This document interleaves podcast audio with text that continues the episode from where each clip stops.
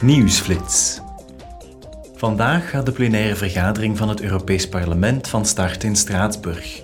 De parlementsleden zullen zich buigen over de resultaten van de 27e klimaatconferentie van de Verenigde Naties, de COP27. Die vond vorige maand plaats in Sharm el-Sheikh. De parlementsleden zullen zich focussen op de vooruitgang die is geboekt om de opwarming van de aarde tegen te gaan.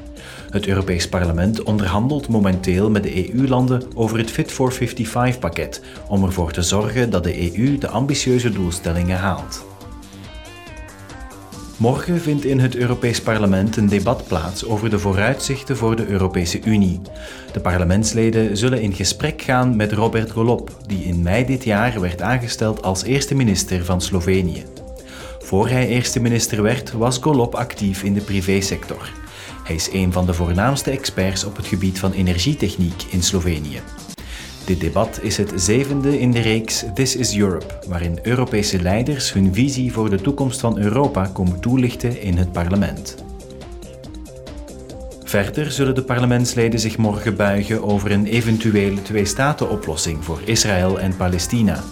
Daarover zullen zij debatteren met de Europese Commissie. Dit debat komt er na een verontrustende verergering van het geweld in Israël en de bezette Palestijnse gebieden. De EU heeft er bij Israël ook op aangedrongen om een einde te maken aan alle vernielingen en uitzettingen die het lijden van de Palestijnse bevolking vergroten.